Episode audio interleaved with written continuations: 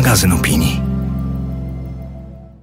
Czy Smart Home to współczesna wersja szklanych domów z wizji Seweryna Baryki? O mieszkaniach przyszłości, kryzysie mieszkaniowym, patologiach, ale też o trendach i alternatywach dla rynku deweloperskiego porozmawiam w dwunastym odcinku podcastu Jak naprawić przyszłość.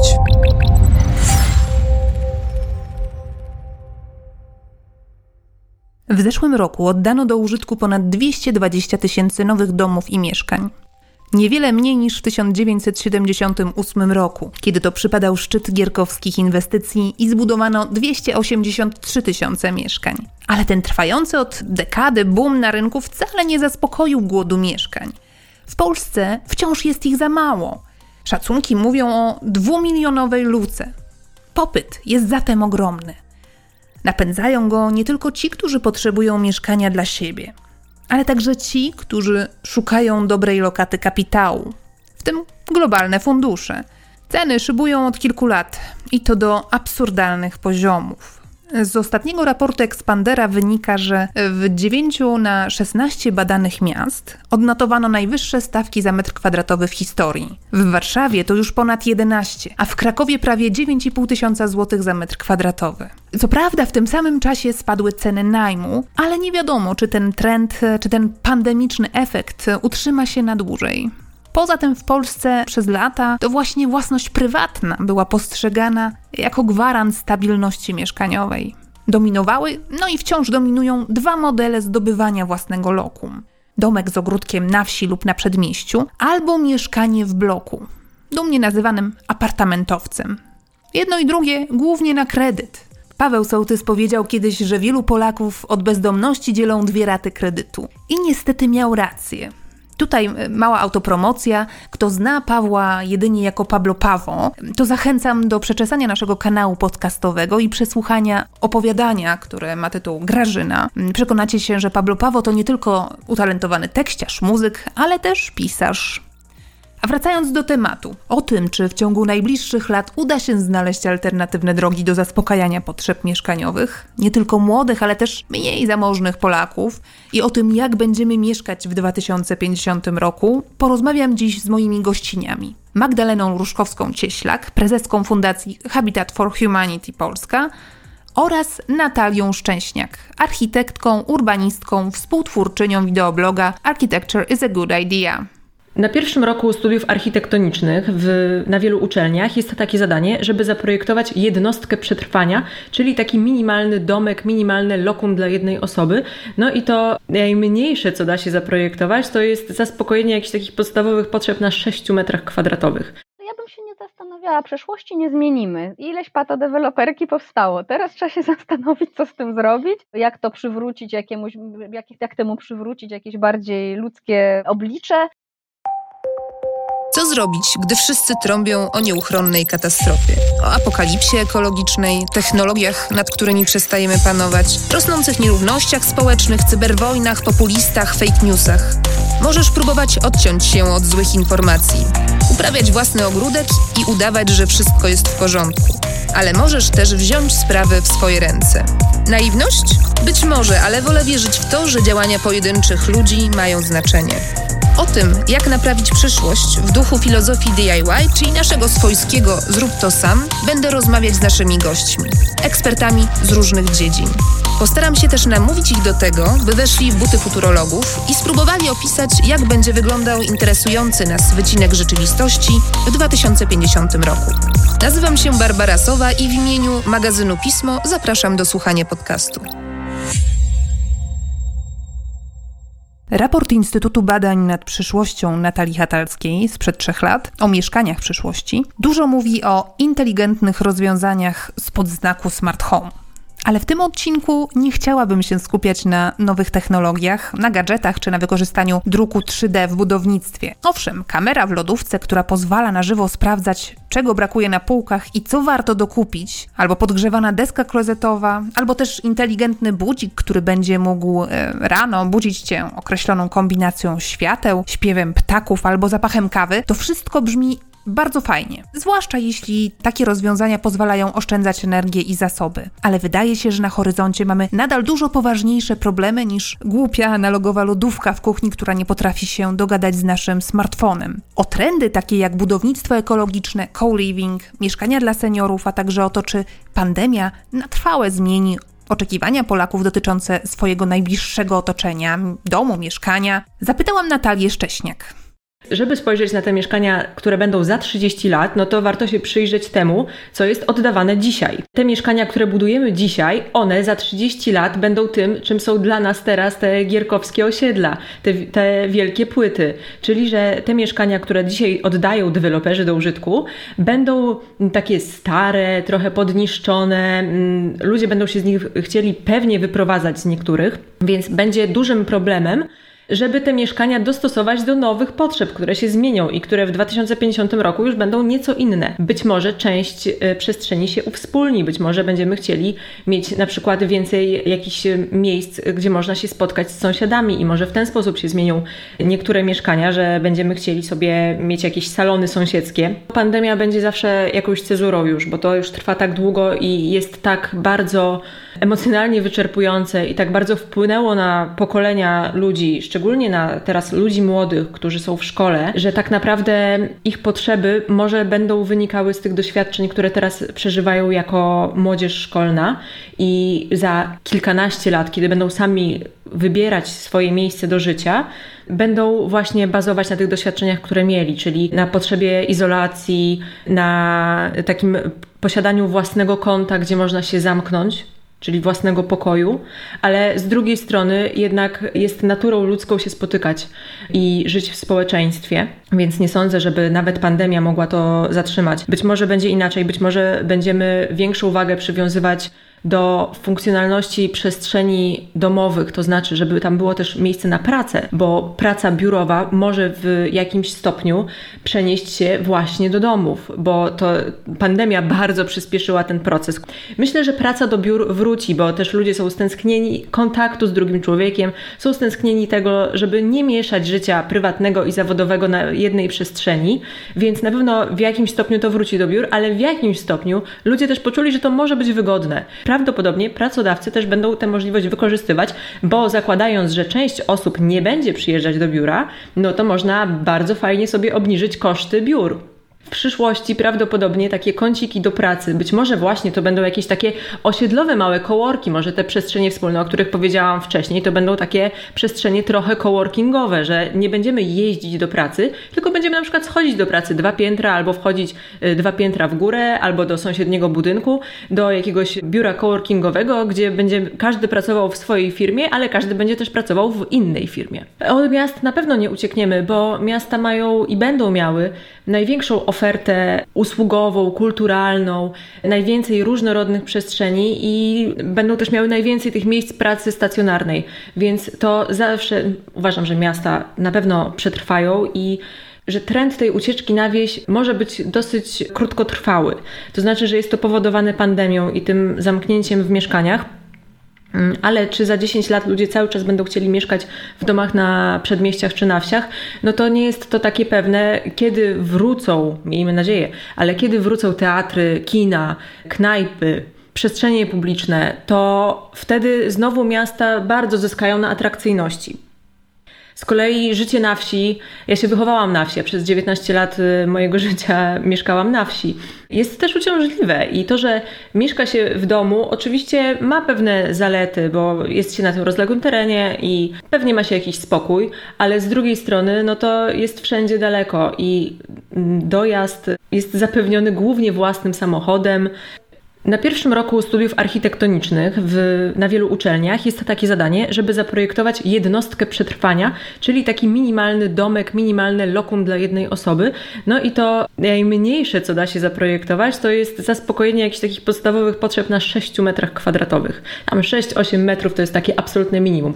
To jest absolutnie nie do życia i to jest właściwie tylko taka rozrywka intelektualna, powiedzmy. Może, może przenocować na wakacjach może można w takim minimalnym kubiku. Czy ten trend będzie widoczny? Teraz jest tak, że mieszkania stały się elementem spekulacji, że kupuje się je z myślą o zysku, a nie z myślą o mieszkaniu w nich. Bardzo często. I pod to wymaganie, pod ten e, prognozowany zysk e, z wynajmu krótko czy długoterminowego, projektowane są całe osiedla niestety. Za 30 lat to będzie nasz problem, bo będziemy mieli fatalnie zaprojektowane mieszkania, niewielkie, często bez żadnego projektu urbanistycznego w samym tym osiedlu. Do tego nasze miasta są nieplanowane pod względem funkcjonalnym, więc te duże osiedla, które powstają teraz w, jeszcze w granicach miast, ale tak naprawdę już na ich obrzeżach, nie będą miały dostępu do szkoły, do biura, do podstawowych usług, które są potrzebne, żeby funkcjonować w mieście, do rozrywki, do kultury, do czasami do terenów zielonych też. I to będzie nasz problem, naprawdę to będzie nasz problem za 30 lat, co zrobić z tymi mieszkaniami, które już przy, przyniosły zysk swoim deweloperom, bo je, jeżeli deweloper buduje mieszkania, no to po to, żeby je sprzedać, żeby skapitalizować ten włożony wysiłek w projekt i w wybudowanie tego. Teraz, jeżeli inwestor kupuje to na wynajem, no to też z myślą o tym, że to musi w jakimś okresie zwróci. Po tym okresie te mieszkania staną się produktami, bo to są produkty tak naprawdę inwestycyjne, które będą trudne do zagospodarowania, bo one bardzo często są maluteńkie, to nie będą atrakcyjne budynki więc prawdopodobnie będą one musiały być przerobione. I myślę, że te mieszkania będą łączone w większe, bo cóż, te niewielkie kliteczki, które teraz są na rynku sprzedawane jako nowe, no to no, trudno będzie mówić przez 30 lat, że to są przestronne salony 12 metrów kwadratowych. Problem mieszkaniowy jest dużym problemem ludzi młodych teraz, którzy wchodzą w e, taki wiek, że chcą się już usamodzielnić. Za 30 lat takich ludzi będzie mniej. Osoby w wieku 65 plus mają stanowić nie, niecałą jedną trzecią społeczeństwa. W tym wieku często już się ma jakieś oszczędności z całego życia. Miejmy nadzieję, że my też będziemy je mieć. że uda nam się coś odłożyć i być może wtedy będzie można sobie już pozwolić na, przy kolejnej przeprowadzce na po prostu większe mieszkanie. No i cóż, pewnie niektóre z tych budynków, które teraz są wznoszone, będą opustoszałe i będą po prostu takimi szkieletorami i będziemy się zastanawiać i głowić, hmm, no co z tym zrobić, co z tym zrobić i one sobie mogą stać nawet też kilkadziesiąt lat takie puste i pewnie będą powstawać też mieszkania nowe. Oprócz tego na pewno ważnym problemem będzie właśnie to, że jedna trzecia mieszkańców Polski to będą osoby w wieku 65, plus, czyli będą nam potrzebne miejsca, w których można się zestarzeć. Czyli jakieś, może nawet nie, nie, nie, tyle domy opieki, co osiedla, które będą miały zapewnioną opiekę zdrowotną, jakiś nadzór, powiedzmy, pielęgniarki, to będzie na pewno już coraz bardziej będzie stawało się popularne. Jeszcze jest jeden problem, mianowicie taki, że cały czas podnosi się poziom wód, więc mieszkania w pewnych miejscach mogą przestać nagle być atrakcyjne, ponieważ mogą być zagrożone po prostu zalaniem ze strony Bałtyku. Te obszary położone wyżej nagle mogą y, zacząć przyciągać nowych mieszkańców, mogą też przyciągać imigrantów klimatycznych, którzy będą się przeprowadzać do Polski bo w ich miejscach y, aktualnych zamieszkania nie będzie już warunków, czy powoli się będą te warunki pogarszać, że zamieszkiwanie tam będzie coraz trudniejsze. Myślę, że ten trend, żeby budownictwo było coraz bardziej ekologiczne, on będzie się nasilał i będziemy zwracać uwagę na to, jaki wpływ na środowisko mają budynki, które wznosimy oraz też taki aspekt ekonomiczny, że dom zeroenergetyczny czy taki samowystarczalny, on generuje dużo mniejsze rachunki. Więc to będzie też y, taki trend do samowystarczalności. Myślę, że również może być pociągający dla wielu osób, chociaż oczywiście wbudowanie takiego domu jest nieco droższe na początku, ale potem przynosi skutek w postaci niższych kosztów eksploatacyjnych. Już teraz mamy w prawie zapisane coraz, co, coraz wyższe są takie normy przenikalności cieplnej, czyli budynek musi być coraz bardziej, coraz lepiej izolować nas, nas od zewnętrza, czyli że coraz mniej nakładów mamy ponosić na ogrzewanie go zimą. Na pewno też sami będziemy zwracać uwagę na jakość powietrza, czyli że jeżeli mamy okna w budynku, no to też chcemy, żeby one nam filtrowały, y, żeby miały w sobie filtr powietrza, żebyśmy nie dostawali do mieszkania smogu, żeby to też była jakaś oaza zdrowia, więc na pewno takie systemy będą atrakcyjne, ale też prognozuje pewne odejście od betonu, że już coraz więcej pojawia się takiego nowoczesnego budownictwa drewnianego, nowoczesne technologie drewniane. Oczywiście wiąże się z wycinką drzew, ale warto zauważyć, że drzewa są materiałem odnawialnym i upraszczając, budowanie z drewna jest bardziej ekologiczne niż z betonu. Więc budynki drewniane będą się nam powoli pojawiać jako takie nowoczesne, nie jako chatki w górach, tylko właśnie jako nowoczesne budynki mieszkalne, biurowe, może nawet magazynowe. Ja jestem zwolenniczką rozwiązań, które działają także jak nie ma prądu też można się zastanowić, to, to, to, to jest dla mnie taka sama zagadka pewnie jak dla Ciebie, bo nie wiem, czy możemy się spodziewać na przykład jakichś przerw w, w dostawach energii, jak będzie wyglądała przyszłość energetyczna Polski i Europy. Może rozwiązania high-tech się wyeliminują, że tak powiem, same, jako mało użyteczne w przypadku, kiedy nie ma tego prądu. Z drugiej strony, jeszcze można, y, jeszcze jeżeli coś jest elektroniczne, no to jest podatne na atak hakerski. Nie chcę, żeby mi ktoś schakował lodówkę, żeby nie mogła jej otworzyć. Patrząc na to od strony też takiej funkcjonalnej i od strony potrzeb wielu osób, no to, to może być wygodne, że wjeżdżamy sobie samochodem do garażu, bo to przeważnie jest jeszcze wizja, właśnie się wjeżdża samochodem do garażu już klikamy na naszym smartfonie, żeby świeża kawa się przygotowała w ekspresie. Czy nasze domy będą smart jak w Jetsonach, że po prostu będziemy pstrykać palcami i wszystko będzie nam się podawało samo i jeszcze nie będziemy myśleć o tym, że trzeba zrobić zakupy, bo nasza lodówka zrobi je za nas, no to myślę, że to, że to jest, no nie wiem, wydaje się dość utopijne jak, jak dla mnie. Ale z drugiej strony odkurzacze, które same odkurzają, to sta stają się powoli standardem. Właśnie, ostatnio robiliśmy jakiś czas temu odcinek o windach które już mają taki system w sobie, one są bardzo elektroniczne, bardzo smart, tak więc nawet nie mają przycisków pięter, tylko po prostu wszystko się robi za pomocą karty lub smartfona. Ale taka winda też może porozumiewać się z robotem e, sprzątającym, czy z robotem dostarczającym na przykład jedzenie na piętro hotelowe, że ten robocik już tam sobie w swojej elektronicznej główce pomyśli, że chce wjechać na 12 piętro do pokoju tam 126 i już winda go tam wiezie na to 12 piętro, otwiera się przed nim, jak on podjeżdża i go zawozi tam, gdzie on musi i, i ten robocik sobie po prostu zaprogramowany jedzie. I na pewno w obliczu tego, czego nauczyliśmy się z pandemii, no to taki robot może wykonać robotę, robot robotę może wykonać, to znaczy zawieść jakieś niezbędne rzeczy osobie, która jest w izolacji. Teraz się podobają głównie białe bloki, takie dosyć proste. Ja mam nadzieję osobiście, że trochę od tej bieli będziemy odchodzić i teraz kolorowe bloki są często nazywane pastelozą. No myślę, że za jakiś czas też trochę się nam przejedzą te, które teraz są tynkowane na biało i biało-szaro, czyli że te takie eleganckie, stonowane kolory, one moim zdaniem są dosyć smutne, więc myślę, że, że, że jakieś odbicie kolorystyczne będzie.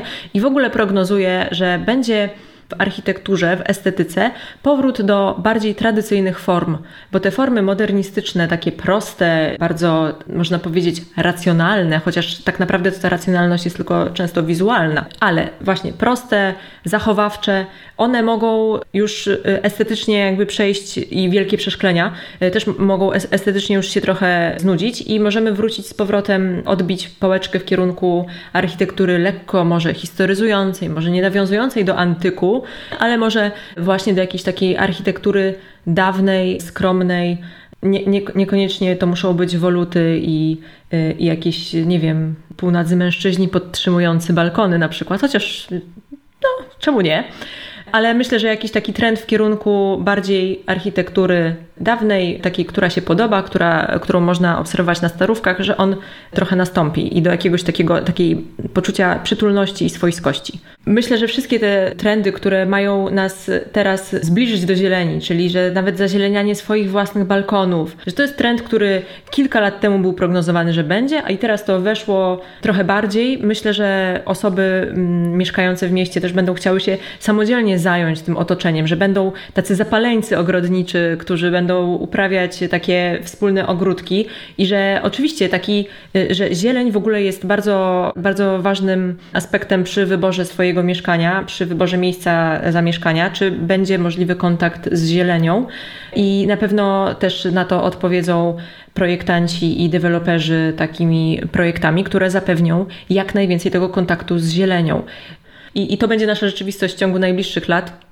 Tak myślę. Jak naprawić przyszłość? W wizji Natalii jest sporo pozytywnych wątków, ale też po rozmowie z nią majaczyły mi w głowie obrazy betonowych pustostanów i opuszczonych blokowisk. Jak za kilka dekad rozwiążemy problem patodeweloperki?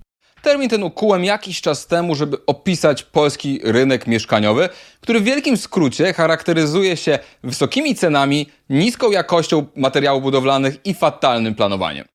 Tak tłumaczy Jan Śpiewak, działacz społeczny i publicysta, współtwórca Stowarzyszenia Miasto jest Nasze w jednym z filmów na swoim kanale na YouTubie, zatytułowanym znamiennie Chów klatkowy Polaków. Śpiewak opowiada w nim o tym, jak deweloperzy obchodzą prawo, które mówi, że minimalny metraż kawalerki to 25 metrów kwadratowych. Jedni sprzedają 13-18 metrowe klitki jako lokale użytkowe, bo tych metrażowe ograniczenia nie obowiązują. Co prawda ich cena jest wyższa, bo trzeba zapłacić większy VAT, ale chętnych nie brakuje. Inni sprzedają tak zwane dwupaki, czyli mieszkania liczące 38 metrów kwadratowych, które są tak zaprojektowane, by podzielić bez trudu je na pół. Mają wewnętrzną ścianę działową, dwie łazienki, a nawet oddzielne drzwi prowadzące z korytarza. Patodeweloperka to zresztą nie jedyny rak, który toczy rynek mieszkaniowy. Wskazywanie winowajców to chyba temat na odrębną rozmowę. Z moją kolejną rozmówczynią nie chcę jednak roztrząsać błędów przeszłości. Chciałabym, żebyśmy porozmawiały o funkcjonujących już alternatywach, o budowaniu oddolnym, o kooperatywach, społecznym najmie i rosnącej świadomości. Do dzisiejszego odcinka zaprosiłam Magdalenę Różkowską-Cieślak. To prezeska Fundacji Habitat for Humanity Poland. Od niemal dekady odpowiadająca za rozwój programów i wdrażanie innowacyjnych rozwiązań zapewniających godne warunki do mieszkania dla osób i rodzin w potrzebie.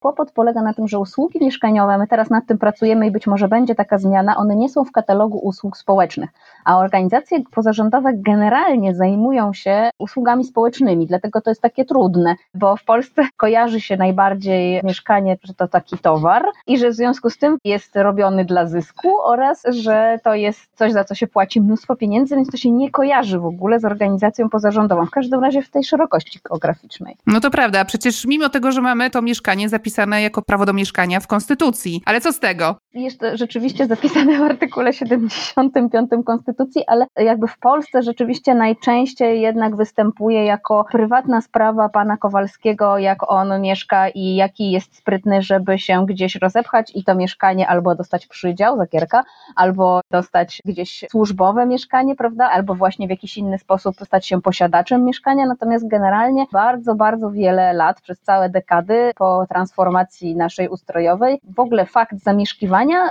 był traktowany bardzo jako taka rynkowa sprawa i pan Kowalski w zależności od tego, gdzie mieszka, no to świadczy o tym, jak po prostu jest zaradny życiowo. Natomiast z prawem do mieszkania długo tego nie kojarzono i tutaj rzeczywiście od transformacji ustrojowej pierwszy raz powstał taki porządny program poparty ustawą, czyli właśnie ten Narodowy Program Mieszkaniowy. Pierwszy raz ktoś pozwolił sobie na odwagę powiedzenia, że to właśnie być może jest sprawa jednak państwa, żeby pokazać, jakby podbić w debacie publicznej, że to nie jest taka do końca prywatna sprawa każdego z nas, tylko że jednak widząc wyniki demograficzne i wyjeżdżanie ludzi za granicę, to być może rzeczywiście też organy publiczne, administracja publiczna powinna mieć tym względzie jakąś inicjatywę i wesprzeć starania osób indywidualnych czy pana Kowalskiego przykładowego, żeby właśnie taki odpowiedni do potrzeb dach nad głową zdobyć. Myślę, że stąd się wziął taki bardzo duży rozdźwięk, że jak organizacja pozarządowa mówi, że to jest ważne, to się nikomu nie kojarzy z organizacją pozarządową, właśnie bo to się nikomu nie kojarzy z tym, że tak powinno być, że to jest sprawa bardzo publiczna, gdzie ludzie mieszkają. To świadczy o statusie społecznym, ale też świadczy o pewnym poziomie cywilizacji cywilizacji w państwie.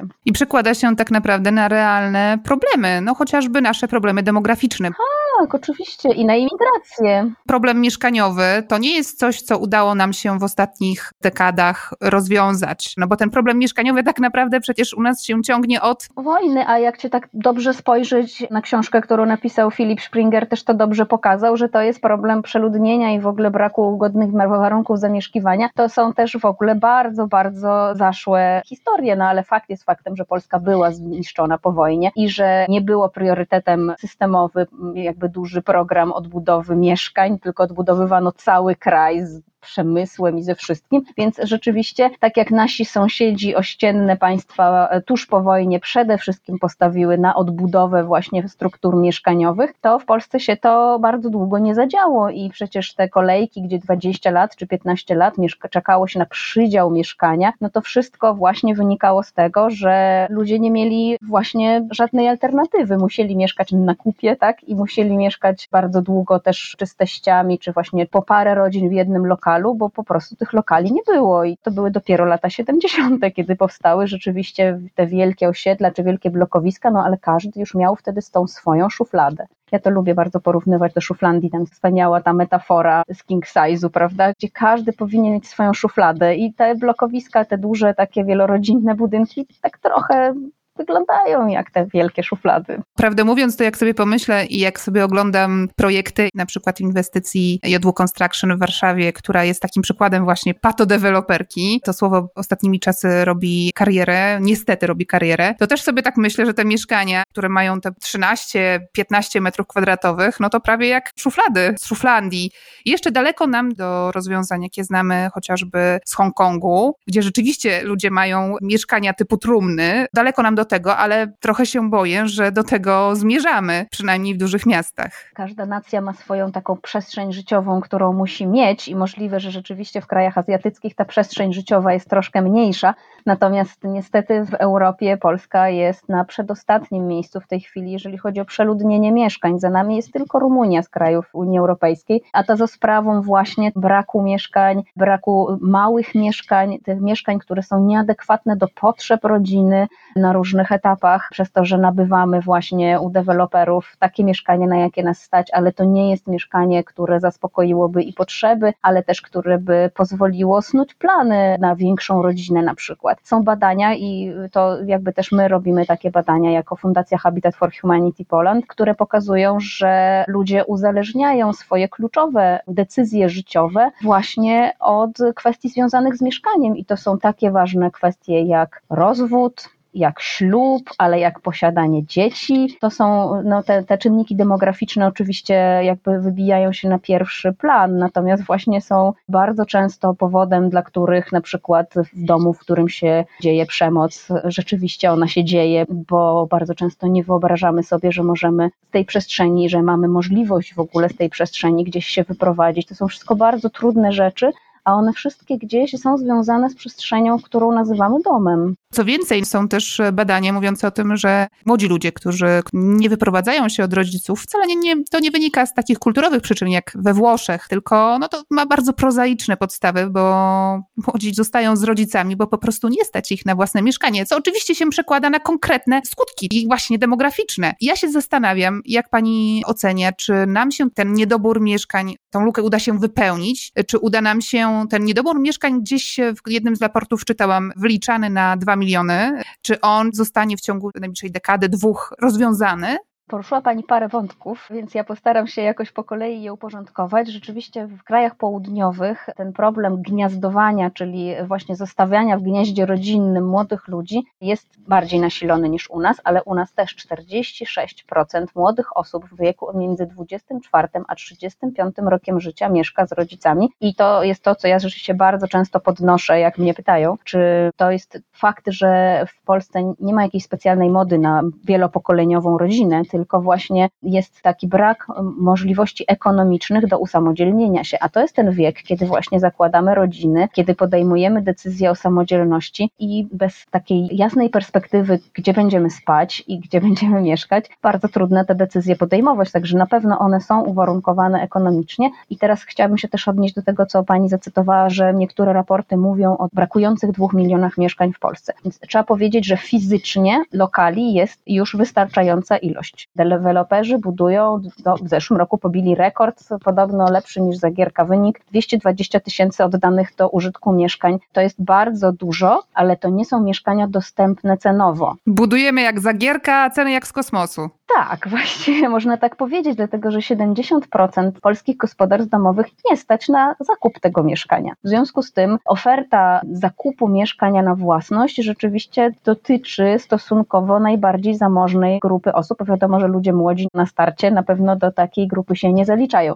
W związku z tym dobra wiadomość jest taka, że te mieszkania ktoś kupuje i że te mieszkania powrócą na rynek w formie najmu. Rozwija się rynek powoli, powoli, ale rozwija się rynek najmu czyli te osoby, które będą chciały się usamodzielnić, wreszcie będą miały jakąś inną opcję. Młodzi ludzie już się nie boją najmu, nawet widzą w tym dużo korzyści takich ekonomicznych, że nie trzeba to mieszkanie powiedzmy właśnie inwestować, że można je zmienić w zależności od tego, gdzie się pracuje, albo właśnie jak liczną ma się rodzinę, to ma niewątpliwie szereg zalet też ekonomicznych, prawda? Mieszkanie w najmowanym mieszkaniu. Trochę jest tak, że przepraszam, że wejdę w słowo, bo z tym najmem to mam wrażenie, że jednak każdy Polak, jak sobie myśli o przyszłości, to to mieszkanie, własne mieszkanie, mieszkanie czy też dom jest numer jeden, dwa, trzy na liście, tak? Nie myśli się w kontekście, no fajnie byłoby wynajmować do końca życia. Tak, właśnie. Z czego to wynika? Bo to prawo własności zawsze jest u nas postrzegany jako taki jedyny bezpieczny sposób zamieszkiwania w dłuższej perspektywie czasu. A tymczasem jest cały szereg innych rozwiązań, które też służą długiemu zamieszkiwaniu w jednym miejscu, natomiast niekoniecznie pozyskiwaniem własności. Mamy TBS-y, czyli Towarzystwa Budownictwa Społecznego, i na przykład tam wystarczy wnieść wkład, partycypację tak zwaną, i jest to nadal najem, ale jest to najem społeczny. To jest najem, który właśnie ma pewne takie ograniczenia narzucone i dobrze, i tam ten najem już jest bardziej przystępny cenowo tak? Słyszeliśmy, że jednym z rozwiązań, żeby dostać możliwość zawarcia najmu w TBS-ie jest płacenie tego wkładu, czyli od 20 do 40 pewnie procent wartości lokalu, ale jednak wtedy kredyt bierze się na wkład własny tylko na ten kawałek, a nie na całość. I w dodatku jest to wkład, który jest jeszcze zabezpieczony, więc tu wydaje się, że na szczęście wreszcie pojawiają się różne możliwości. Znaczy TBS-y nie są nowym rozwiązaniem, rzecz jasna, tylko jest ich stosunkowo niewiele, a w każdym razie nie są dostępne wszędzie, bo tylko w niektórych gminach działają TBS-y, prawda? Natomiast no, oczywiście musimy powiedzieć też o najmie komunalnym, czyli jakby tym, co gmina oferuje swoim niezamożnym mieszkańcom. No i tutaj jakby trudność polega na tym, że tych mieszkań jest bardzo, bardzo niewiele, albo są w bardzo, bardzo złym stanie technicznym, są po prostu niezdrowe. W związku z tym różne opcje istnieją, ale tego jest największy niedobór. Tej właśnie dostępnej cenowo opcji jest gigantyczny niedobór. Szacunki mówią minimum o pół miliona brakujących dostępnych cenowo mieszkań do właśnie tych dwóch milionów. To oczywiście wszystko zależy, jakie założenia dostępności się przyjmie. Ja czytałam badania, które Państwo przeprowadziliście na początku pandemii i rzeczywiście z nich wynikało, że brak mieszkania albo złe warunki mieszkaniowe są trzecim największym problemem Polaków, zaraz po niskich zarobkach i braku sprawnie funkcjonującej służby zdrowia. Jak pani sądzi, czy po roku odosobnienia tych zamkniętych szkół i pracy z domu wyniki byłyby podobne tego badania? W ogóle państwo robiliście powtórkę? Tak. Albo planujecie? My te badania pierwszy raz opublikowaliśmy w roku rodziny, czyli w 2013 i od tamtej pory co dwa lata publikujemy te badania i niestety za każdym razem ta trzecia pozycja, niechlubna, wskazywana przez respondentów jako najważniejsze problemy, z którymi się mierzą, zaraz po złym dostępie do służby zdrowia oraz kłopotach z pracą, i to zaraz mogę powiedzieć, że to się też zmienia, to jest ten trzeci najważniejszy problem każdego gospodarstwa domowego w Polsce, tak wygląda na dużej reprezentatywnej próbie, są to robione badania. W związku z tym niestety to niechlubne trzecie miejsce my wiemy i podnosimy to od lat, natomiast na szczęście jakby zmienił się procentowo troszeczkę odsetek osób, które wskazują na ten problem, to znaczy w 2013 roku było to prawie 60%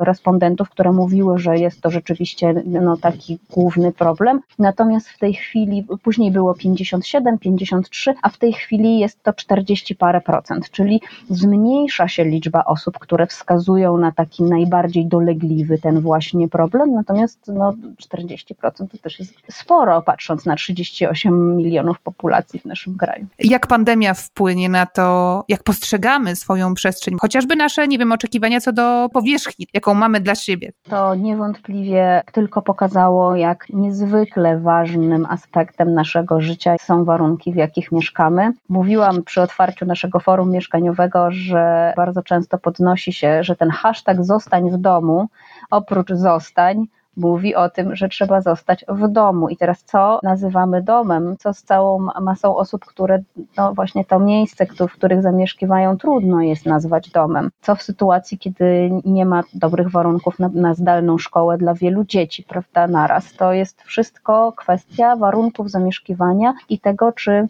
mieszkanie, miejsce zamieszkania jest adekwatne do potrzeb. Wiemy z, z, z artykułów prasowych na przykład, że jest wielki boom, prawda, na, na meblowanie, na przemeblowywanie, na ulepszanie, na remonty. No to jest dlatego, że mieliśmy czas zostać w domu i się po nim rozejrzeć, tak? No i rzeczywiście ta potrzeba wtedy podniesienia tego standardu jest znaczna, ale też trzeba powiedzieć, że jednak mieszkanie przede wszystkim w kontekście hashtag zostań w domu to jest najlepsza szczepionka przeciwko tej ponurej pandemii. To jest to miejsce, które musi nam się kojarzyć z bezpieczeństwem. To jest to miejsce, w którym bardzo wiele osób na początku pandemii zastanawiało się, czy jeżeli ekonomicznie się pogorszy i że stracą pracę, czy będą mogły dalej wynajmować swoje mieszkanie, czy ktoś im wymówi i co wtedy? To jest ogromny stres. To uderza prosto w podstawy piramidy Maslowa, w te nasze potrzeby najbardziej, najbardziej podstawowe, czyli bezpiecznego miejsca zamieszkiwania.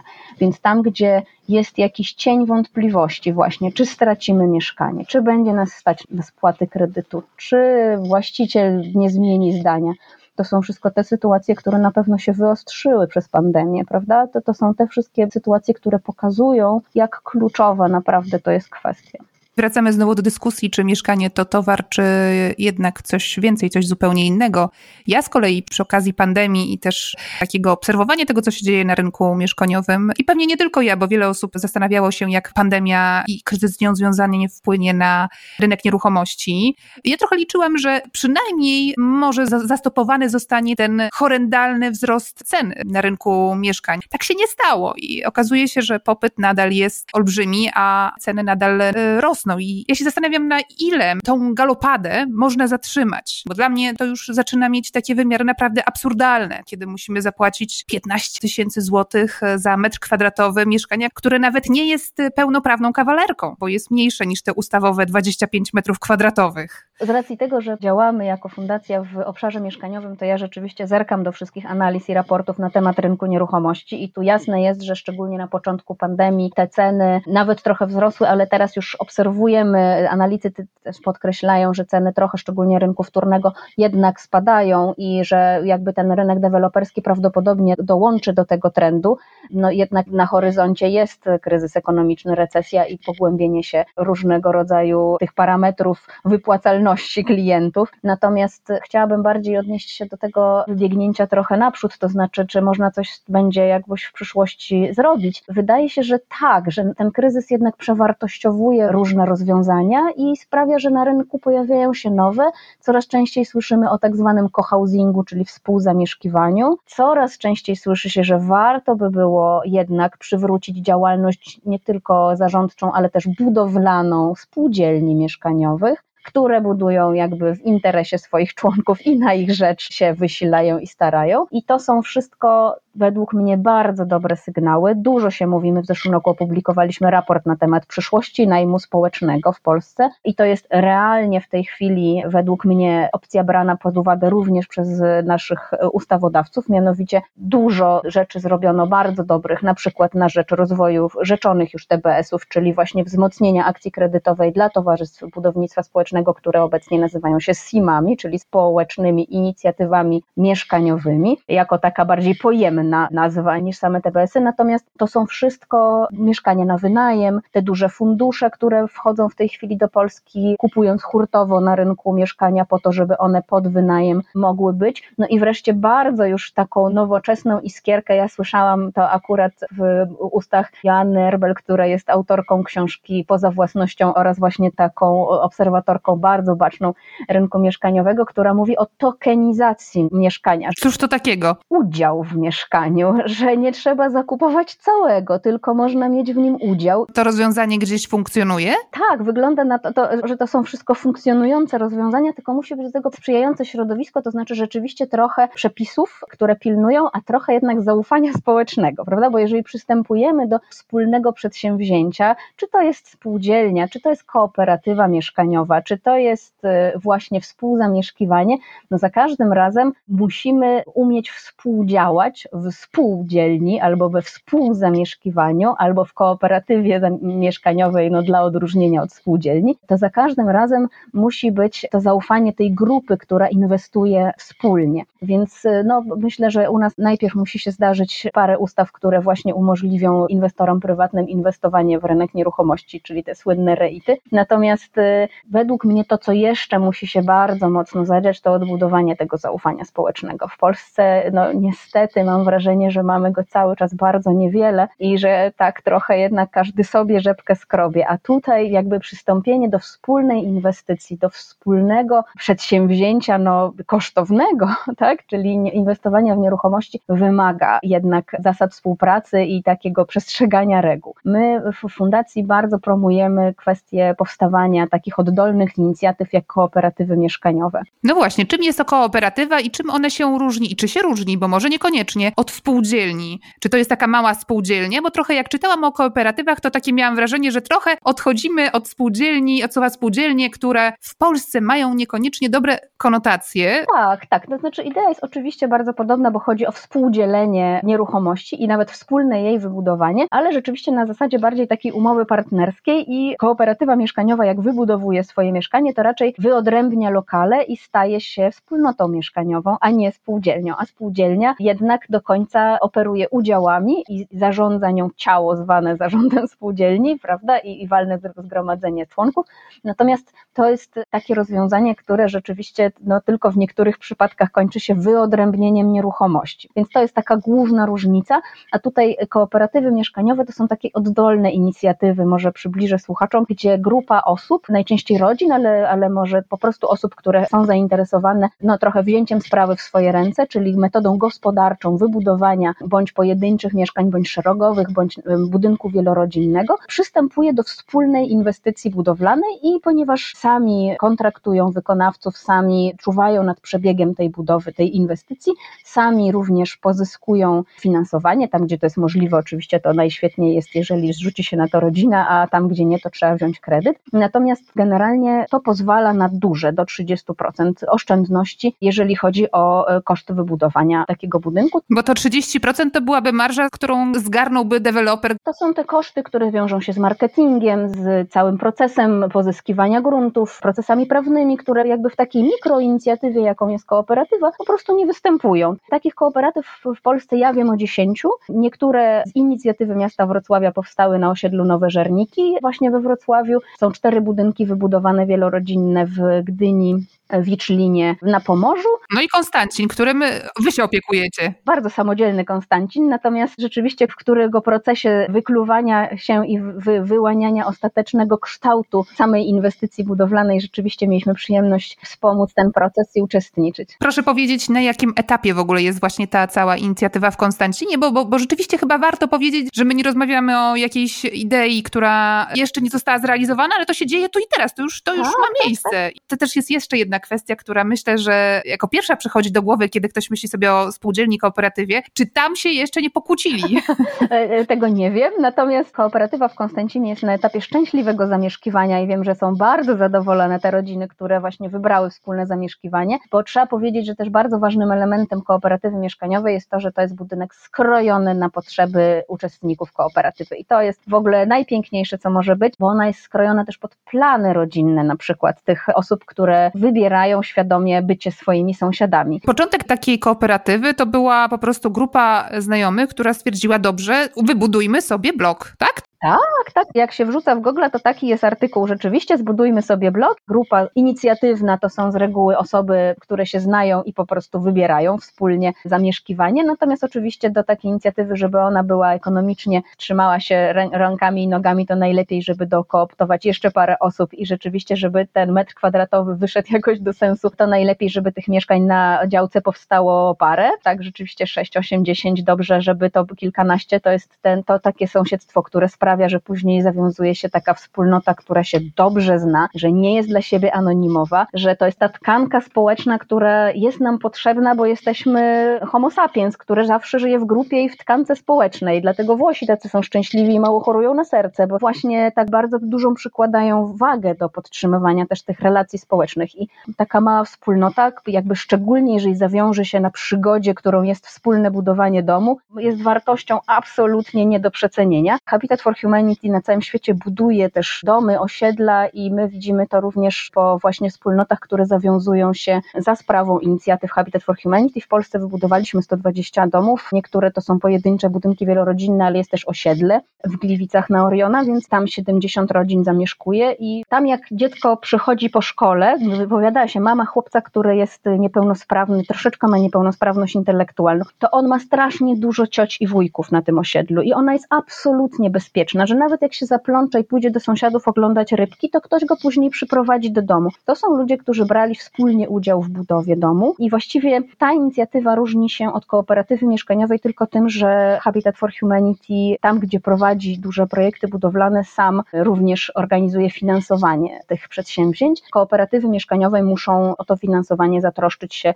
zewnętrzne. I to jest rzeczywiście ta największa przeszkoda bardzo często, dlatego że to nie jest jeszcze bardzo rozpoznawalna inicjatywa i banki troszkę niechętnie patrzą na taki produkt, który mógłby powstać, że jest wiele pojedynczych kredytów mieszkaniowych, które składają się na jedno przedsięwzięcie budowlane. Więc y, to mamy nadzieję się zmienić, dlatego że my jesteśmy bardzo uparci, ale też bardzo praktyczni, więc również staramy się tą wiedzę popularyzować nie tylko w, y, jakby w mediach, ale też zanieśliśmy tą inicjatywę do decydentów i jest w tej chwili projekt ustawy o kooperatywach, która ma zachęcać właśnie szczególnie też samorządy do popierania takich inicjatyw, do też znalezienia u siebie paru działek, które nie są atrakcyjne dla deweloperów, a mogłyby właśnie posłużyć pod kooperatywę mieszkaniową. Rozumiem, że kooperatywa płaci rynkowe stawki?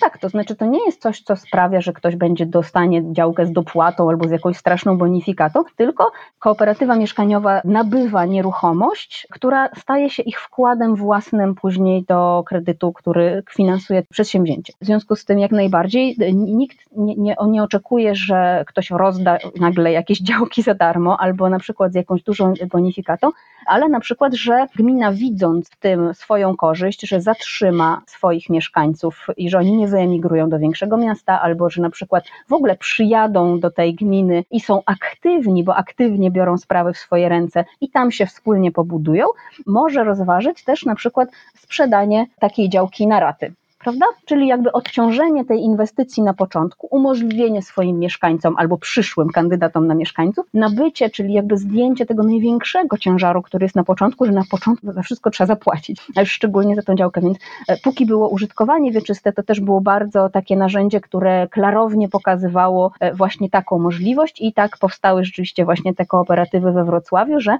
nabyły prawo do użytkowania wieczystego, czyli na początku zapłaciły 20%, a później w ratach 20 albo 30 tego tego tutaj głowy nie dam, ale później rzeczywiście w ratach to użytkowanie wieczyste jest spłacane, to właśnie na młodym osobom, które chcą jakby aktywnie właśnie zamieszkać w takim miejscu i w takich e, warunkach, jakie uważają za najodpowiedniejsze do swoich planów życiowych, to czy potrzeb, to właśnie to, to im to umożliwia, prawda? To pojedźmy do Berlina, tam już są. Kooperatywy w Berlinie jest po prostu na każdym rogu. W Szwajcarii bardzo dużo. Naprawdę to, to, to nie jest tak, że myśmy wymyślili. To się dzieje, to się dzieje za, naprawdę za naszą zachodnią granicą. To jest y, rozwiązanie, które tylko trzeba tu dopasować do pewnych parametrów, które tutaj mamy. Czyli kwestia pierwsza to jest oczywiście ułatwienie finansowania, tak. pozyskania finansowania, czyli no właśnie być może ta wiarygodność, jaką dałoby stworzenie, nie wiem, definicji, nazwanie tworu by ułatwiło. Druga rzecz to oczywiście wsparcie samorządów, ale trzecia rzecz, o jakiej ja sobie myślę jeszcze, no to jest taki ten czynnik społeczny, o którym już tutaj rozmawialiśmy, bo chyba powołanie takiej kooperatywy i przeprowadzenie takiego projektu to jest olbrzymi wysiłek. Nie każdy chyba jest w stanie podołać e, takiemu wysiłkowi zorganizowania takiej budowy, no bo przecież umówmy się, no to, jest, to są kwestie finansowe, budowlane. I ja nie wiem, czy w takiej kooperatywie ktoś musi po prostu zrezygnować z pracy i nagle cały swój czas poświęcić na nadzorowanie tego projektu? Na szczęście w Polsce działa bardzo jakby sprawne i dosyć rygorystyczne, jeżeli chodzi o normy i standardy prawo budowlane, więc bierze się,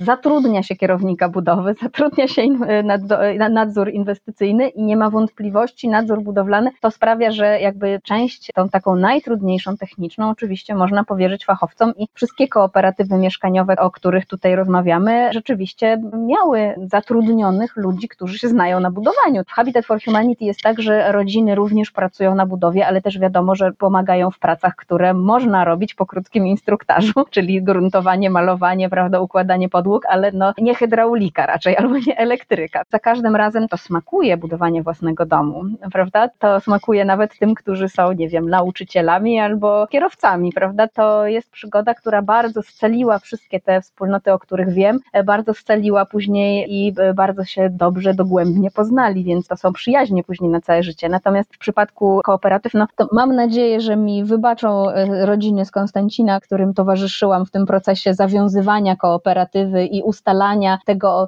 negocjowania właściwie tego ostatecznego kształtu i lokalizacji tego ich wspólnego zamieszkiwania i domu, no ale im to chwilę zajęło. Tam były negocjacje e, takie wielostopniowe, mianowicie jak już było parę kandydatek działek, to wtedy jakby następowała negocjacja z żonami. Tak się złożyło, że grupa inicjatywna składała się z statusiów, a oni później konsultowali, wiadomo, z ładniejszymi połowami. W związku z tym e, jakby proces rzeczywiście był taki negocjacyjny, wewnętrzny, bardzo intensywny, bo musiało być jednak blisko do szkoły, blisko do różnych rzeczy i to jest bardzo dobre, bo to właśnie w ten sposób ta lokalizacja, która została wybrana w Konstancinie jest dosyć optymalna i chyba też nie zdradza jakiejś kuchni, żeby powiedzieć, że to właśnie była jedna z takich działek, która była nieatrakcyjna dla deweloperów. A dlaczego?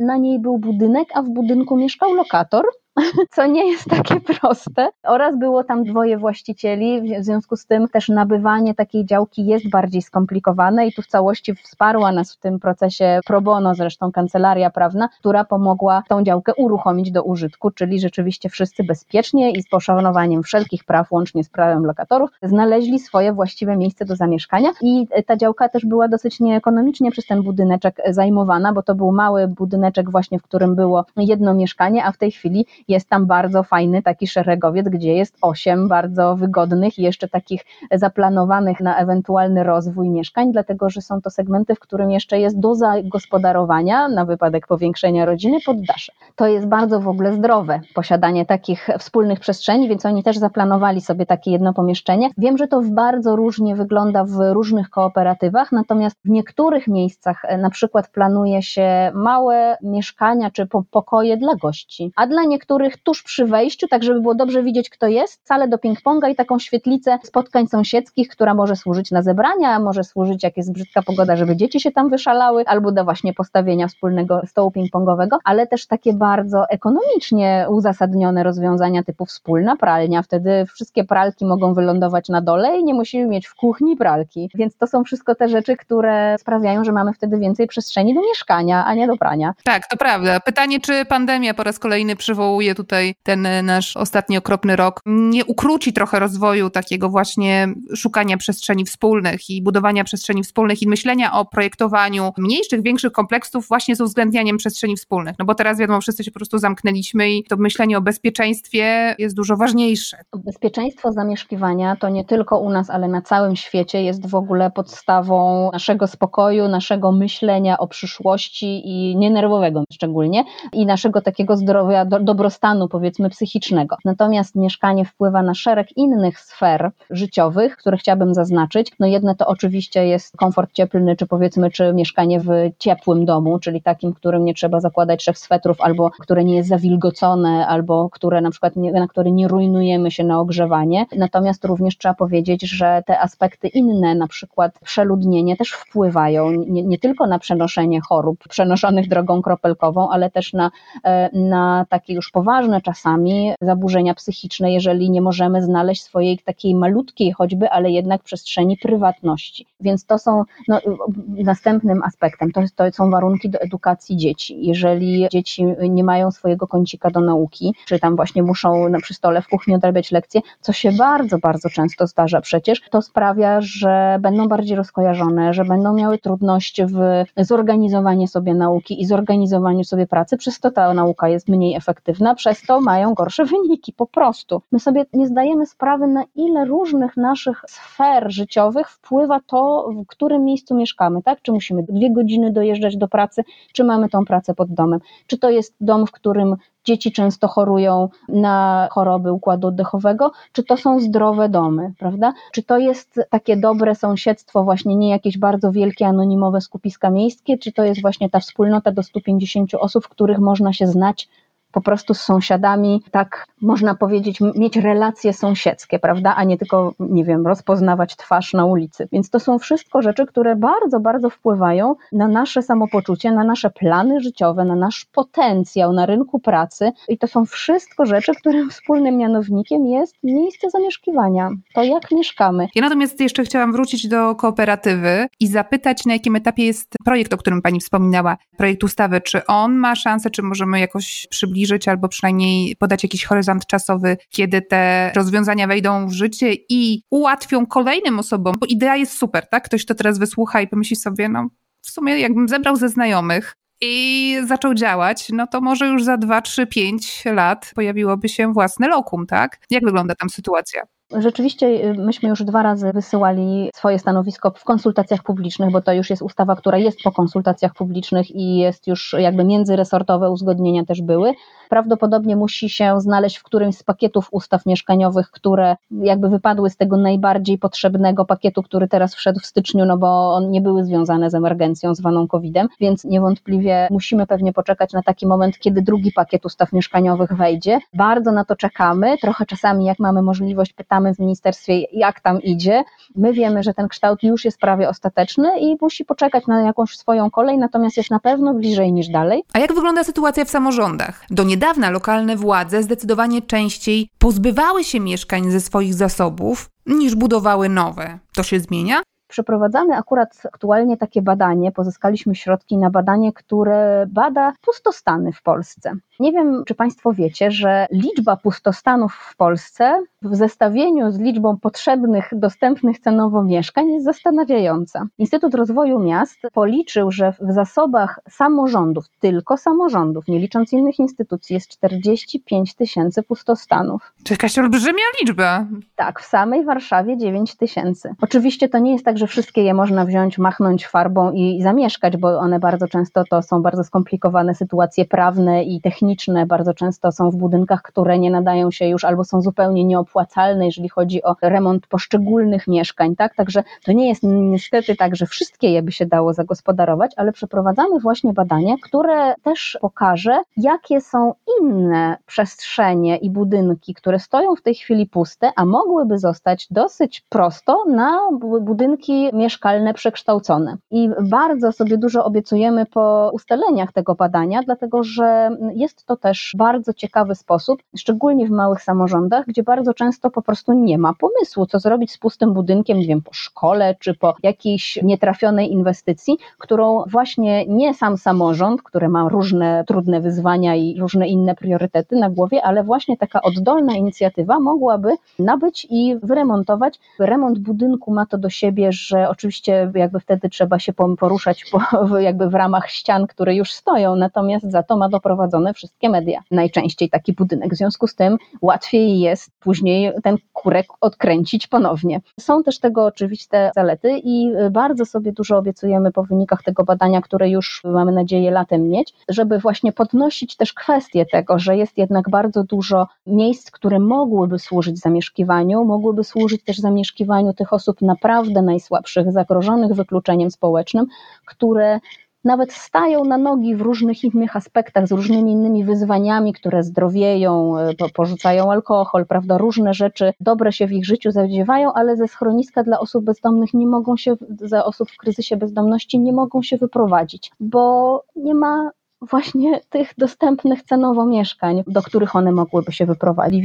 Coraz więcej jest e, myślenia też w gminach o tym, żeby jeżeli chcemy zatrzymać mieszkańców, którzy mają nie wyemigrować do największych metropolii w poszukiwaniu lepszego życia, albo nie wyemigrować do Anglii przysłowiowej w celu e, właśnie zapewnienia lepszych warunków rodzinie, no to rzeczywiście w takim razie ten komfort musi być wybudowany na, na terenie gminy. Więc to się rzeczywiście dzieje i jest bardzo dużo różnych też takich, um, takiego dużo myślenia też innowacyjnego na temat pozyskiwania przez gminy nowego zasobu, ale też trzeba powiedzieć, że zasobu też gminy bardzo chętnie, szczególnie w tego w złym stanie technicznym, tego niedoinwestowanego, gminy bardzo chętnie się pozbywały, to znaczy nawet pozwalały lokatorom ten zasób wykupić, no przerzucając ciężar wyremontowania później takiego budynku czy takiej kamienicy na przyszłych mieszkańców, co sprawia, że mamy bardzo dużą grupę ubogich właścicieli, którzy no, są trochę w takiej pułapce remontowej, no bo ani w te, ani z powrotem teraz. Nie można powiedzieć, że się nie dzieje. Tutaj najlepszym przykładem chyba jest Warszawa, w której mieszkam, gdzie Warszawa właśnie dobudowuje statystyczne 20% zasobu komunalnego w ogóle, który powstaje w Polsce, bo rzeczywiście bardzo sobie tutaj ambitnie poczyna i co jeszcze ważniejsze, nie wyprzedaje swojego zasobu. Tak, już wie dobrze, że żeby wybudować na miejsce wyprzedanego mieszkania przynajmniej tyle samo,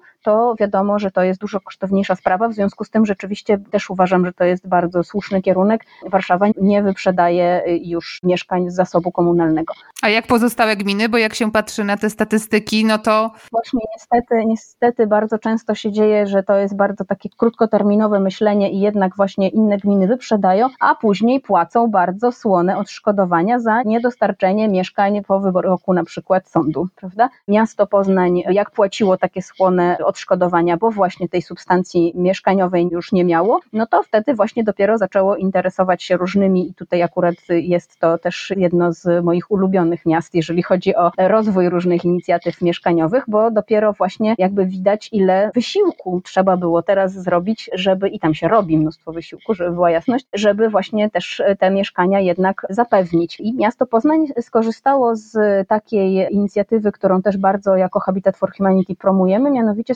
koncepcji społecznej agencji najmu. To jest taka inicjatywa, która istnieje też w innych krajach, to nie jest nasz pomysł, tylko to jest nasza obserwacja z Belgii, z Anglii, z Francji, gdzie organizacje not for profit, czyli takie, które działają w trybie nie dla zysku, a dla zysku społecznego, są rodzajem takiego pośrednika pomiędzy właścicielami mieszkań, a osobami, które e, mieszkań potrzebują, szczególnie oczywiście takimi, które mają z tym większą trudność. I taki pośrednik, społeczna agencja najmu, czyli tak zwany SAN, w skrócie, z jednej strony zaoferowuje właścicielowi mieszkania, że zagwarantuje zarządzanie tą nieruchomością, kontrolowanie stanu technicznego oraz zagwarantuje regularne, comiesięczne płacenie czynszu, łącznie z doborem lokatorów i to jakby jest zdejmowane z głowy właściciela, a w zamian za to prosi o obniżenie czynszu najmu. A przez to, że ten czynsz jest obniżony, można go zaoferować tym, których nie stać na płacenie czynszu na rynku komercyjnym. I taka ustawa o społecznej agencji najmu trochę, myślę, w wyniku naszych tutaj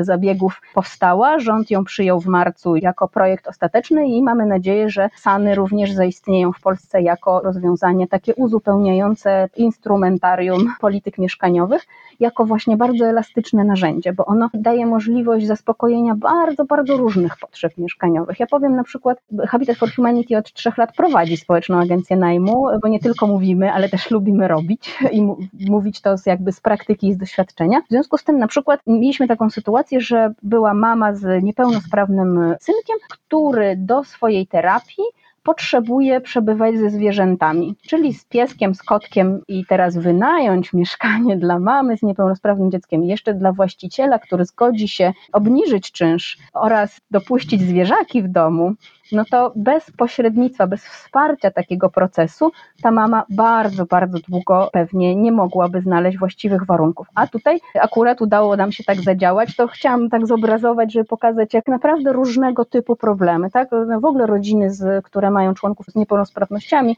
najczęściej gorzej sobie radzą ekonomicznie, no z oczywistych powodów, więc tutaj to wsparcie, naprawdę potrzebowaliśmy znaleźć mieszkanie takie, które byłoby odpowiednie, które by wynegocjowało zbudowano jakby troszkę w imieniu tej mamy. Bo rozumiem, że to są komercyjni partnerzy, którzy wynajmują, czy nie? Czy to jest samorząd? Akurat Społeczna Agencja Najmu w Warszawie, którą prowadzimy, też korzysta z różnych mieszkań, które były w złym stanie technicznym. Myśmy je wyremontowali i przywrócili do użytku, natomiast i takich mieszkań miasto Warszawa użyczyło nam 14, natomiast oprócz tego w tej chwili mamy 25 chyba już w tej chwili lokali, które wynajmujemy od osób prywatnych, czyli takich, które na przykład mają mieszkanie, ale z różnych przyczyn nie wynajmują, bo na przykład ono wymaga remontu, no to my wtedy bardzo chętnie oferujemy pomoc w remoncie i dostosowaniu standardu. Albo na przykład po prostu, no nie wszyscy mają takie umiejętności, albo też zaufanie, że poradzą sobie z doborem lokatora. Społeczna agencja najmu bierze to na siebie i jakby gwarantuje, że jakby z tego tytułu będzie wpłata regularna czynszu, a resztę bierzemy my na siebie, łącznie na przykład z taką sytuacją jak zmiana lokatora, czyli tak zwany pustostan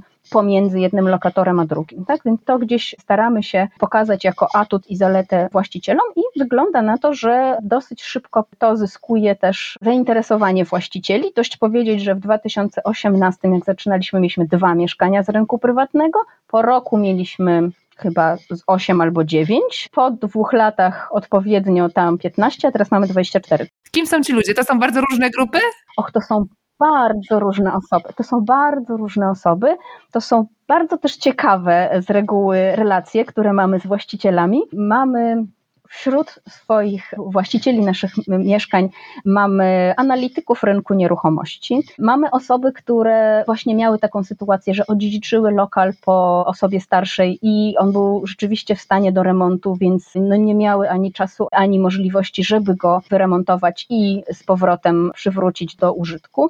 Więc w takich sytuacjach też staraliśmy się właśnie tu wykazać i rzeczywiście zaproponować, no później rozliczenie oczywiście w czynszu, ale jednak właśnie żeby to mieszkanie służyło, ale też zdarzają się na szczęście, i to mnie uskrzydla, muszę powiedzieć, takie osoby, które po prostu w życiu dużo dostały, i uważają, że mając dodatkowe mieszkanie, w jakiś sposób mogą się losowi czy opatrzności odwdzięczyć, e, więc zdarzyło się parę lokali, za które jesteśmy chyba szczególnie wdzięczni, które dostaliśmy praktycznie w, jakby w cenie tych rozliczeń takich administracyjnych, czyli w cenie opłat. No ja muszę powiedzieć, że ja po prostu osobiście też jak byłam studentką, też moja ciocia zorganizowała dla mnie społeczną agencję najmu i właśnie też bardzo niedrogo udostępniono mi praktycznie na ponad 3 lata e, właśnie w cenie za opłaty, więc ja akurat po prostu bardzo jestem przekonana, że ten potencjał w ogóle w narodzie istnieje i taka wrażliwość społeczna i ta solidarność społeczna musi po prostu zostać gdzieś obudzona, czy jakby musimy nabrać na pewno więcej zaufania do takich inicjatyw. Natomiast jestem naprawdę głęboko przekonana, że nie tylko w mojej rodzinie, ale że to się dzieje po prostu,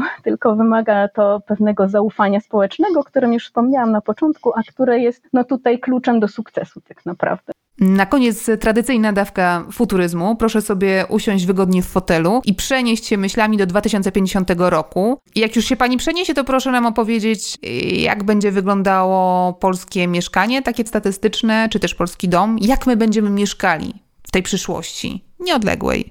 Ja sobie myślę, że jesteśmy na bardzo dobrej drodze i tak jak też powiedziałam na początku, to jak mieszkamy, to jest jednak wskaźnik poziomu cywilizacji w danym kraju i tego standardu będziemy żądać na pewno jako klienci, jako uczestnicy rynku mieszkaniowego, na pewno bardziej. Ja gorąco wierzę, że dojdziemy do takiej sytuacji. Tutaj nie muszę zgadywać, bo wiem, jak to się w krajach Europy Zachodniej rozwija. Tam rynek najmu nie zajmuje tak jak w Polsce 16%, tylko 30 i 40%, więc myślę, że w tą stronę będziemy w perspektywie właśnie 30 lat zmierzać, że będzie wybór, że będzie ten miks taki, który nie powie, że koniecznie musicie Państwo wszyscy kupić sobie mieszkanie na własność, albo że nikt Wam nie da na własność i wszyscy będziecie wynajmować od jakiegoś, nie wiem, bardzo zamożnego właściciela, prawda? Tylko, że będzie wybór, że do, różnych przecież etapów życia potrzebujemy czasami innego rozwiązania i na innego będziemy potrzebować, jak chcemy założyć rodzinę, albo na przykład, nie wiem, chwycić pracę swojego życia, która jest akurat w innym mieście, albo wtedy, kiedy będziemy potrzebowali być blisko szkoły i żłobka i najlepiej mieć jeszcze przestrzeń na to, żeby dzieci miały się gdzie wybiegać, prawda? A jeszcze innego rozwiązania będziemy potrzebowali, jak będziemy zależni od innych, jak będziemy potrzebowali rehabilitacji i wtedy, kiedy nie możemy mieszkać na czwartym piętrze bez windy, prawda? Więc tu gdzieś sama mieszkam na trzecim bez windy, więc wiem, że na pewno nie jest to moje docelowe mieszkanie. Rozwój rynku najmu, jeżeli mogę tak jakby tutaj prorokować, jest naszym takim, nie tyle jesteśmy na niego skazani, co jest naszą, naszą dobrą opcją, naszym dobrym wyborem, bo rynek najmu też wymusza na przykład budowanie w innym standardzie, w lepszym standardzie. Deweloper jak buduje mieszkanie, ono musi być ładne tylko wtedy, kiedy inwestycja się sprzedaje, tak? No niestety na Mokotowie, tam gdzie mieszkam, sama widziałam domy, które po pięciu latach pokrywały się zielonym nalotem, tak? Bo była źle zrobiona izolacja. Więc no i co mają zrobić wtedy mieszkańcy, jakby kiedy to na początku wyglądało ładnie, tak? A teraz całe zzieleniało. Tam, gdzie są mieszkania na wynajem, tam ta nieruchomość od A do Z i przez wszystkie lata musi ładnie wyglądać, żeby się dobrze wynajmowała. W związku z tym to wymusi też pewien standard zamieszkiwania, który jest taki szalenie ważny, tak? Żebyśmy wiedzieli, że jesteśmy warci godnego zamieszkiwania, tak? To, to jest coś, co naprawdę bardzo wpływa na nasze psychę i na, na to, jak funkcjonujemy. Więc e, myślę sobie, że im bardziej jakby my będziemy wymagać tego standardu, tym bardziej on się pojawi. Na razie musimy oczywiście, wiadomo, na pewno zmobilizować decydentów, żeby zadziałać również na rzecz wyremontowania tego, co w tej chwili jest już bardzo nieremontowane. Ta, ta luka remontowa, o której mówię, sięga w niektórych przypadkach 60-70%. To znaczy, że są budynki, które po prostu tak długo były nieremontowane, że w tej chwili doinwestowanie ich to już jest ogromne ogromny wysiłek finansowy. I też tutaj warto zwrócić uwagę, że oprócz dobudowywania nowych mieszkań czy szukania nowych rozwiązań, musimy po prostu jakby w jakiś sposób pomyśleć o tej substancji mieszkaniowej, o jak taki mądry wyraz, o, o tych mieszkaniach i tych budynkach, które już są i które sprawiają, że właśnie ich mieszkańcy chorują albo na przykład właśnie mają bardzo niekomfortowe zamieszkiwanie właśnie dlatego, że nie ma remontu, że nie ma termomodernizacji, że jest dziurawy dach, prawda? Więc to są wszystko te rzeczy, które które my musimy wymagać. Tak? My musimy poczuć się na tyle warci tego, żeby tego wymagać i od zarządów spółdzielni, i od właścicieli budynków, albo od siebie samych, jako wspólnota mieszkaniowa.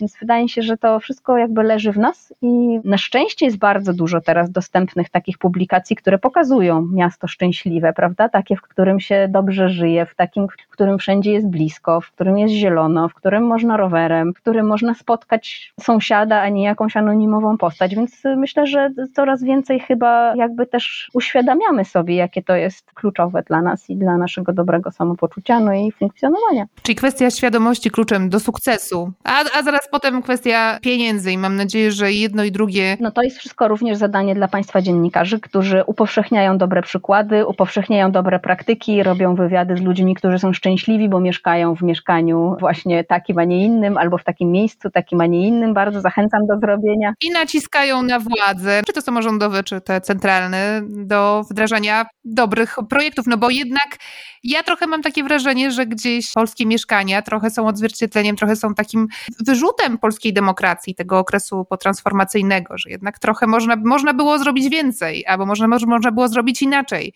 Tak, ale ja bym się nie zastanawiała, przeszłości nie zmienimy. Ileś patodeweloperki powstało. Teraz trzeba się zastanowić, co z tym zrobić, jak to przywrócić jakiemuś, jak, jak temu przywrócić jakieś bardziej ludzkie oblicze. No tutaj ja patrzę sobie, ponieważ jestem romanistką z wykształcenia, więc też jakoś Francję oglądałam z bliska i pod lupą, więc tam są te, te wielkie takie aszelemy, takie wielkie osiedla, brzydkie jak nieszczęście, które były szczytem modernizmu i w ogóle nowoczesności w latach 70., a w tej chwili są terenami uważanymi za niebezpieczne i właśnie takie naprawdę, naprawdę y, jakby gdzie na dziesiąte piętro idzie się na piechotę w XXI wieku.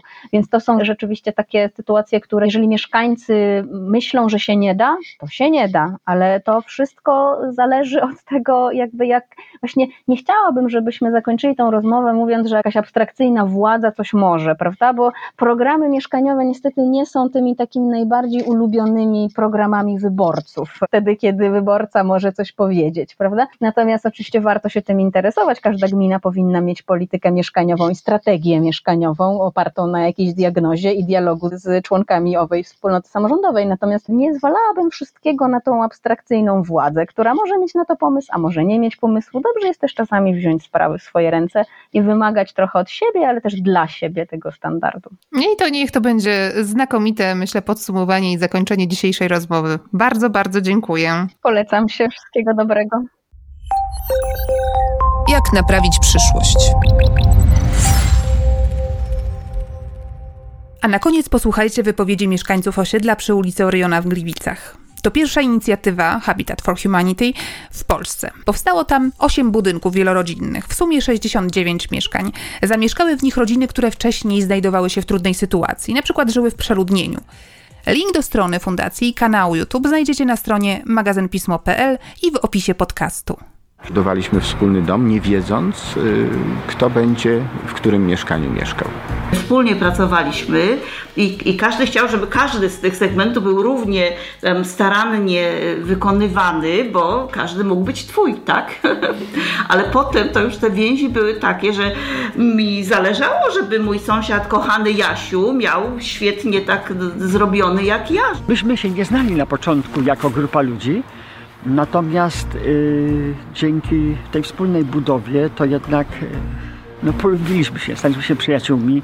E, Budując te mieszkania, wiele przeżyliśmy razem e, wspólnie. Nawiązywaliśmy znajomości bardzo szybko i bardzo takie silne, które e, więzi do tej pory trwają. Fajne jest to, że na przykład moje dziecko, które no, wymaga większej uwagi niż, niż inne dzieci, no może tutaj spokojnie y, sam zostawać na osiedlu, bo wiem, że kiedy ktokolwiek go spotka, to go zawsze przyprowadzi do domu, chodzi do sąsiadów z innych budynków, ogląda rybki, bawi się z nimi, ma tutaj dziadków przyszywanych, ciocie przyszywane. Ja wiem na przykład jak funkcjonuje spółdzielnia mieszkaniowa, tak, gdzie na 3000 członków y, na przykład na zebranie przychodzi dwu- 20 czy 30. Więc y, ludzie generalnie są po prostu zupełnie niezaangażowani. No tutaj wiadomo, większość sobie tak się angażuje. E, Ja teraz bym nie bardzo wiedziała na przykład do kogo iść poprosić, żeby kwiatki mi przy...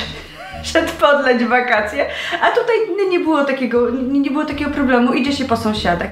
To był dwunasty odcinek podcastu Jak naprawić przyszłość. Ja się nazywam Barbara Sowa i do usłyszenia za miesiąc. Jak naprawić przyszłość?